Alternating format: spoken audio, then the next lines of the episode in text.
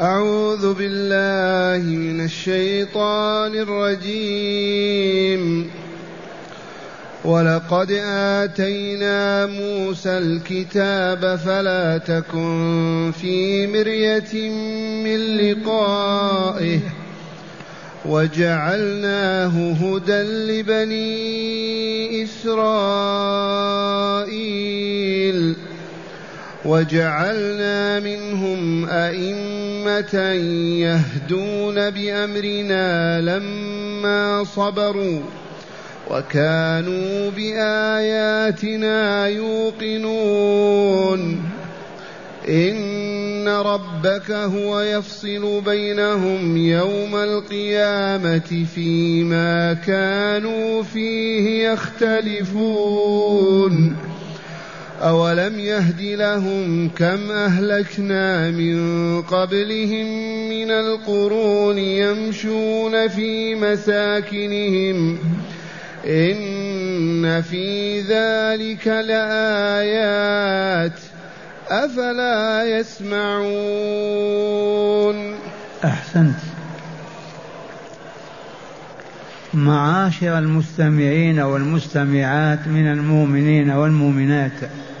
قول ربنا جل ذكره ولقد آتينا موسى الكتاب. أليس هذا كلام الله؟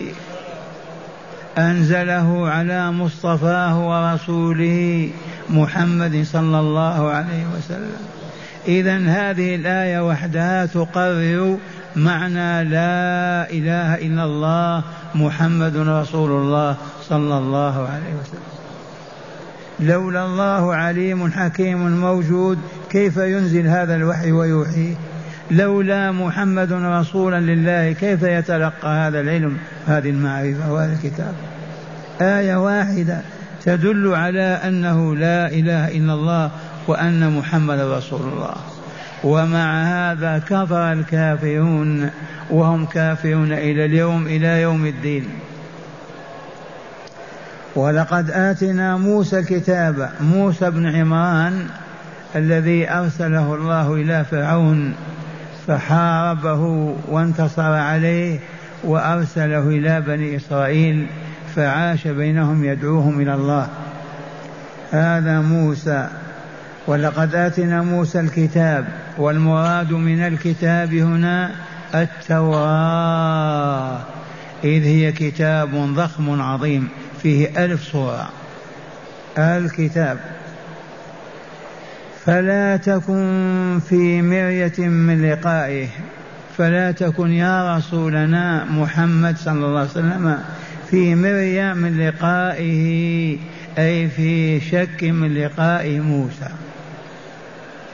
وهذا والله كما أخبر تعالى. سيلقى محمد رسول الله موسى.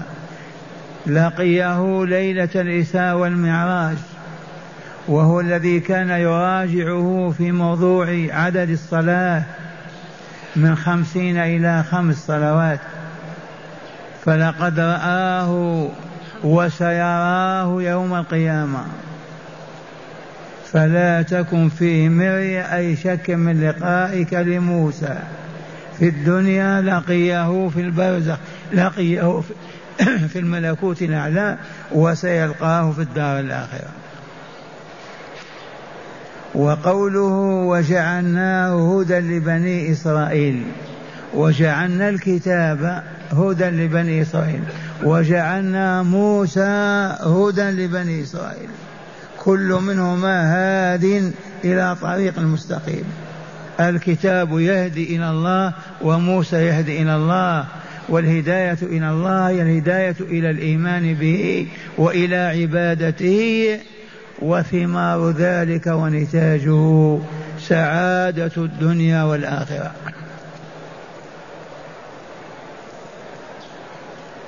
يا معشر المشركين يا معشر الكافرين هذا الله يؤتي موسى الكتاب ويلقاه محمد في الملكوت الأعلى.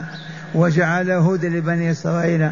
لم لا تهتدون؟ لم لا تؤمنون؟ لم لا تدخلون في الإسلام؟ لم هذا الإعراض والتكبر؟ ثم قال تعالى والمراد من بني إسرائيل كما تعلمون أولاد يعقوب ابن إسحاق ابن إبراهيم. إذ يعقوب يقال له إسرائيل كميكائيل وجبريل. عبد الله عبد الرحمن. وكل بني إسرائيل من ولد يعقوب. ومن بينهم وجعلنا منهم أئمة كهود وسليمان ويحيى وما وزكريا وما إلى ذلك. وجعلنا منهم أئمة. والأئمة جمع إمام. والإمام من يكون أمام الناس يقودهم إلى سعادة الدارين. من يقتدون به ويأتوسون به كاقتدائنا بإمامنا في الصلاة. نكبر إذا كبر ونركع إذا ركع ونسجد إذا سجد. فالإمام من يؤتم به في هذه الحياة يقتدى به في إيمانه في صلاحه في كمالاته في آدابه في أخلاقه. وهم الذين يدعون إلى الله ليعبد وحده من أجل أن يسعد العابدون ويكملون. وجعلنا منهم أي من بني إسرائيل أئمة كهود وسليمان وزكريا ويحيى. وجعلنا منهم أئمة يهدون يهدون العباد إلى أين يهدونهم؟ إلى الصراط المستقيم الموصل إلى رضا الله أولا ثم إلى سعادة الدنيا وكمالها وأخيرا إلى سعادة الآخرة وكمالها. يهدون إلى ماذا؟ إلى أن يعبد الله وحده. عبادة تزكي النفوس وتطهرها وتؤهل المزكين المطهرين لرضوان الله وجواره في الملكوت الأعلى في الجنة دار السلام. وجعلنا منهم هذا رب العزة يقول وجعلنا منهم أي من بني إسرائيل أئمة يهدون إلينا ويدعون عبادنا بأمرنا. وكيف جعلناهم أئمة؟ قال لما صبروا أولا. وكانوا بآياتنا يوقنون ثانيا.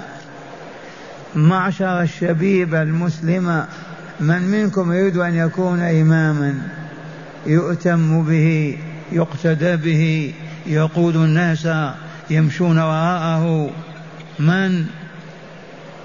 من قال أنا هو قلنا له أولا اصبر أولا على عقيدتك لا تتخلخل وعلى عبادتك لا تضعف وعلى آدابك وأخلاقك لا تهبط. ثم بعد ذلك ادعو واصبر على ما يصيبك من ذم أو سب أو شتم أو قتل. وجعلنا منهم أئمة يهدون بأمرنا يهدون الناس بأمرنا لما صبروا. وكثيرا ما أكرر معنى الصبر. يا معشر المستمعين والمستمعات الصبر له مقامات. اولا أن تصبر على طاعة الله ورسوله فلا تنقص منها ولا تزيد عليها. صبرا كاملا ثم تصبر على ما يصيبك من أذى من ضرر من جوع من خوف. ثم تواصل صبرك حتى تلقى ربك. وكلمة يمانية حفظناها زمان من اليمانيين. بالصبر واليقين تكون الإمامة في الدين. بالصبر واليقين تكون الإمامة في الدين وهما مأخوذ من هذه الآية الكريمة.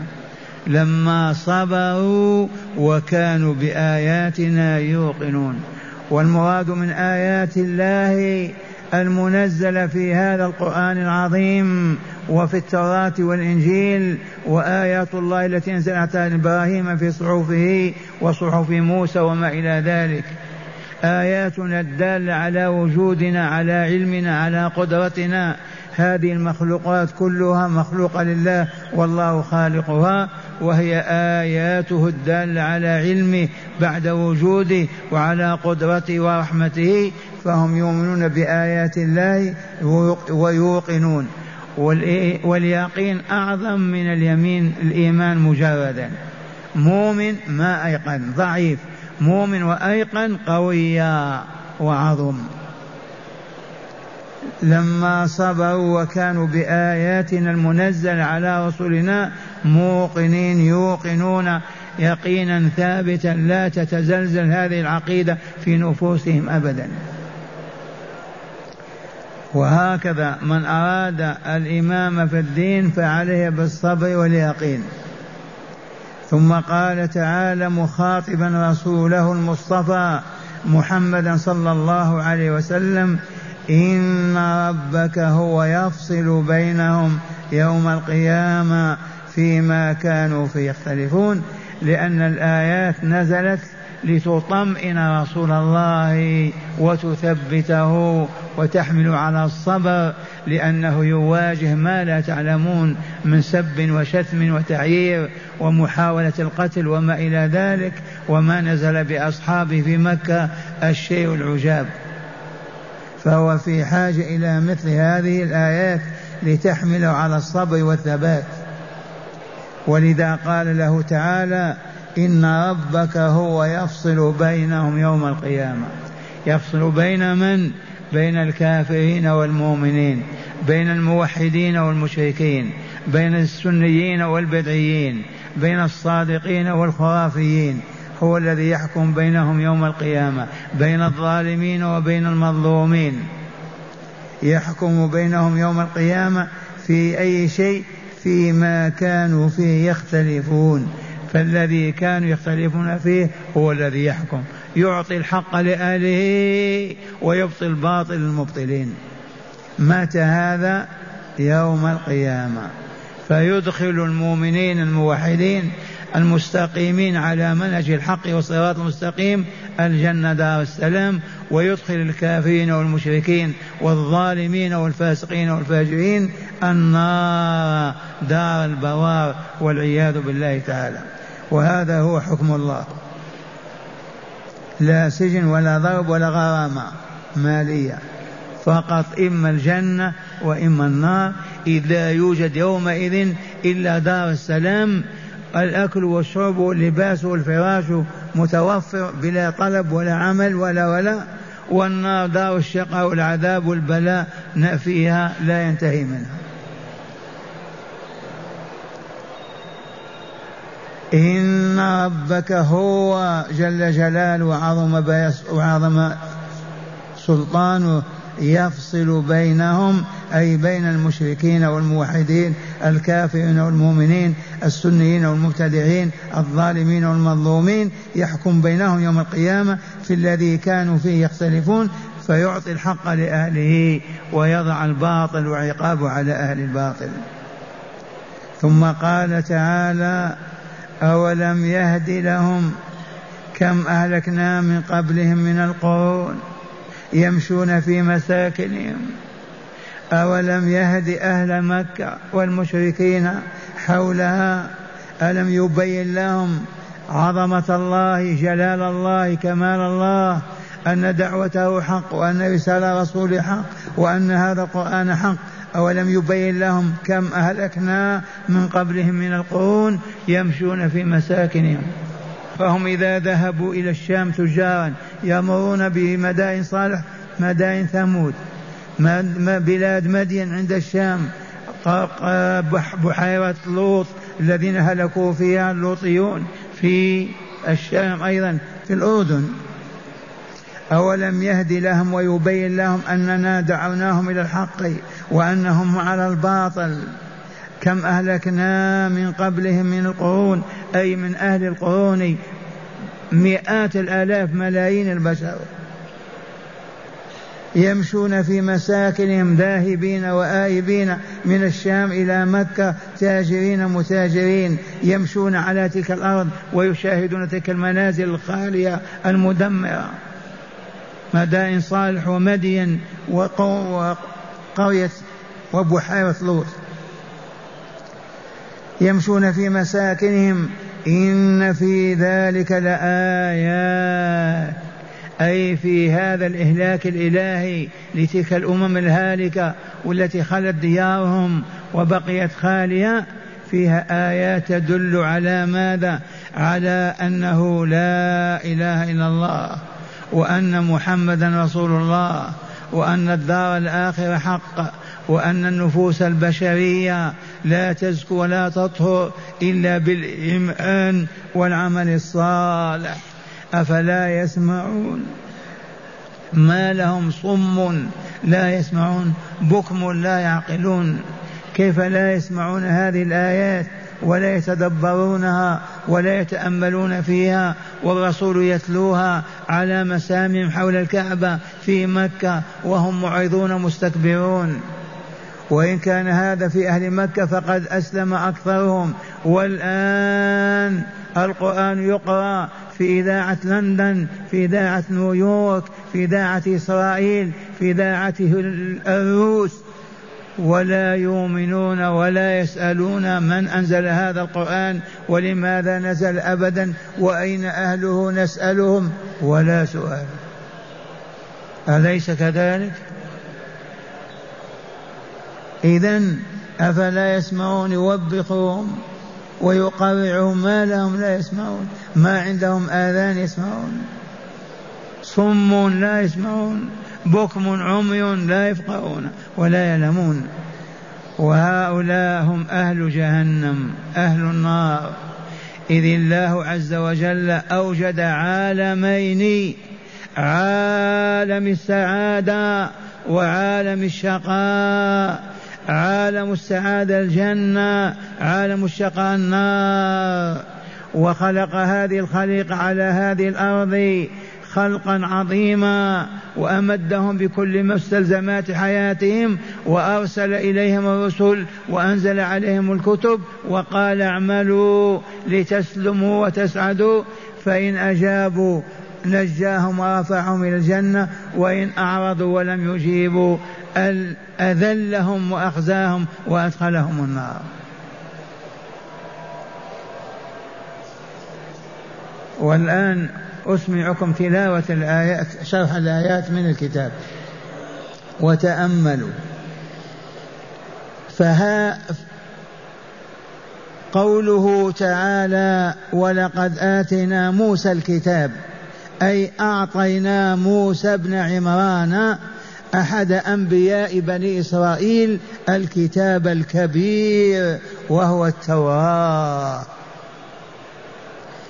إذا فلما ينكر علي فلما ينكر عليك المشركون أن أي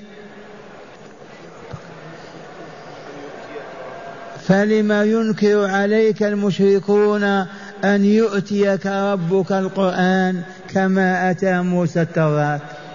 ما لهم؟ ينكرون عليك أن ينزل الله عليك القرآن ويقولون هذا شعر وليس بقرآن. وهم يعلمون أن الله أنزل الكتاب على موسى. كما أنزل على موسى وعلى عيسى ينزل على محمد صلى الله عليه وسلم. وفي هذا تقرير لأصول لأصل من أصول العقيدة وهي الوحي والنبوة المحمدية. تقرير لأن محمد رسول الله. وقوله تعالى فلا تكن في مرية من لقائه أي فلا تكن يا محمد في شك من لقائك موسى ليلة الإسراء والمعراج ليلة الإسراء والمعراج. فقد لقيه وطلب إليه أن يراجع ربه في شأن الصلاة فراجع حتى أصبحت خمسا بعد أن كانت خمسين. كما علمتم.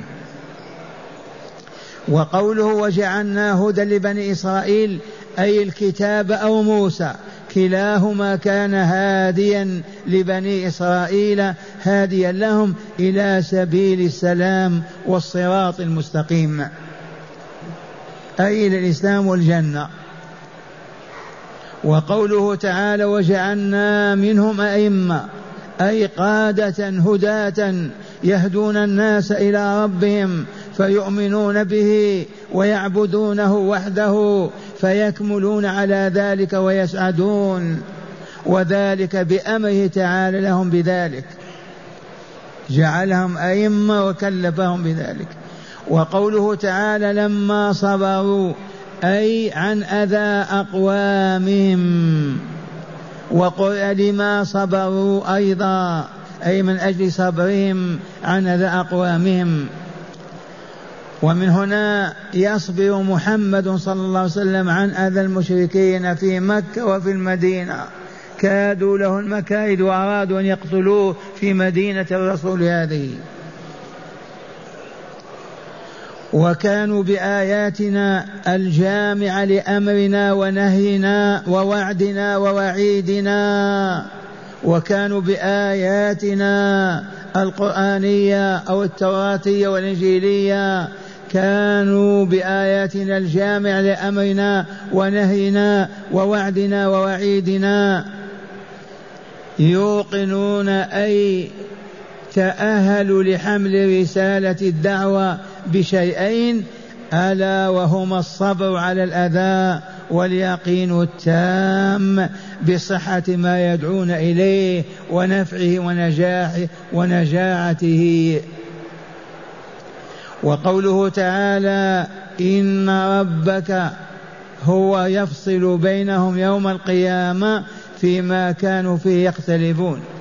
يخبر تعالى يخبر تعالى رسوله محمدا صلى الله عليه وسلم يخبر بأنه سبحانه وتعالى الذي يفصل بين المختلفين من الأنبياء وأممهم وبين الموحدين والمشركين والسنيين والبدعيين فيحكم بإسعاد أهل الحق وإشقاء أهل الباطل. وفي الآية تسلية للرسول وتخفيف عليه مما يجد في نفسه من خلاف قومه له.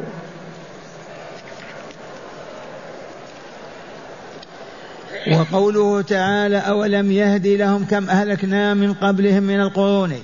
أي أعاموا فلم يبين لهم إهلاكنا للأمم كثير لأمم كثيرة يمشون في مساكنهم مارين بهم في أسفارهم إلى الشام كمدائن صالح وبلاد مدين وبحيرة لوط. أنا قادرون على إهلاكهم إن أصروا على الشرك والتكذيب كما أهلكنا القرون من قبلهم. وقوله تعالى إن في ذلك لآيات أي في إهلاكنا أهل القرون الأولى. كل لما أشركوا وكذب لما أشركوا وكذبوا دلالات وجوه دلال وكذبوا دلالات وجح وكذبوا بدلالات وحججا وبراهين على قدرة الله وشدة انتقامه ممن كفر به وكذب رسوله وقوله أفلا يس أفلا يسمعون؟ أي أصموا؟ أفلا فلا يسمعون هذه المواعظ التي تتلى عليهم فيتوبوا من الشرك والتكذيب فيحيوا ويكملوا ويسعدوا اللهم اجعلنا من الكاملين السعداء يا رب العالمين. والآن مع هداية الآيات. بسم الله والحمد لله. من هداية هذه الآيات أولا تقرير النبوة المحمدية. من هداية هذه الآيات التي تلوناها وتدارسناها من هداية تقرير النبوة المحمدية. تقرير أن محمدا رسول الله. ولهذا نشهد بأعلى أصواتنا محمد رسول الله. إذ هذه الآيات تقرر نبوته. نعم. وأيضا تأكيد قصة الإسراء والمعراج. وفيها أيضا تقرير تأكيد قصة الإسراء والمعراج. حادثة الإسراء والمعراج عجب. الرسول صلى الله عليه وسلم من مكة يؤخذ من بيت أم هاني إلى بير زمزم فتجرى له عملية جراح قلب ثم يغسل قلبه ويملأ بالحكمة والنور. ثم يعرج به ثم يذهب به إلى بيت المقدس. ومن بيت المقدس إلى الملكوت الأعلى إلى سدرة المنتهى عندها جنة المأوى. فهذه الآية تقرر هذا الإسراء والمعراج. لقوله لموسى ماذا؟ فلا تكن في مريا أي شك من لقائه. وقد لقيه ثانيا الكتاب والسنة. كلاهما هاد للعباد إن طلبوا الهداية فيهما. نعم تقرير الآيات هذه أن الكتاب والسنة بهما يهتدى. من طلب الهداية إلى الله ليسعد ويكمل عليه بالعمل بكتاب الله وسنة رسوله صلى الله عليه وسلم وليعرض عن أقوال القائلين وأباطيل المبطلين ويتمسك بقال الله قال رسوله صلى الله عليه وسلم. ثالثا بيان ما تنال به الإمامة في الدين وهو الصبر وصحة اليقين. من هداية هذه الآيات بيان ما تنال به الإمامة بما نظفر بأن نكون أئمة الصبر واليقين. اصبر على ما تتحمل ويلقى عليك و... وأنت على يقين مما تدعو إليه وتدعو به. وبذلك تصبح إماما للناس يقتدى بك ويهتدى رابعا كل خلاف كان في هذه الحياة سينتهي بحكم الله تعالى فيه يوم القيامة. من هداية هذه الآيات الأربعة أن كل خلاف موجود الآن في الأرض سيحكم الله فيه يوم القيامة ويفصل بين المختلفين. أهل الإيمان والتوحيد في الجنة أهل الشرك والكفر في النار. أهل اليقين والصبر في دار السلام في درجات عالية ومن دونهم في درجات دون ذلك. الله يحكم بيننا يوم القيامة فيما اختلفنا فيه. خامسا وأخيرا في إهلاك الله تعالى للقرون السابق السابقة أكبر أكبر واعظ لمن له قلب وسمع وبصيرة. في إهلاك الله تعالى لأهل القرون السابقة عاد ثمود وما إلى ذلك. في هذا الإهلاك عبرة وعظة لأولي الأبصار والقلوب الواعية. يعرفون أن الله عز وجل على كل شيء قدير وأنه ما أهلك تلك الأمم إلا لكفرهم وظلمهم. فيحذر الكفر والظلم ويستقيم على منهج الحق لينجو ويكمل ويسعد.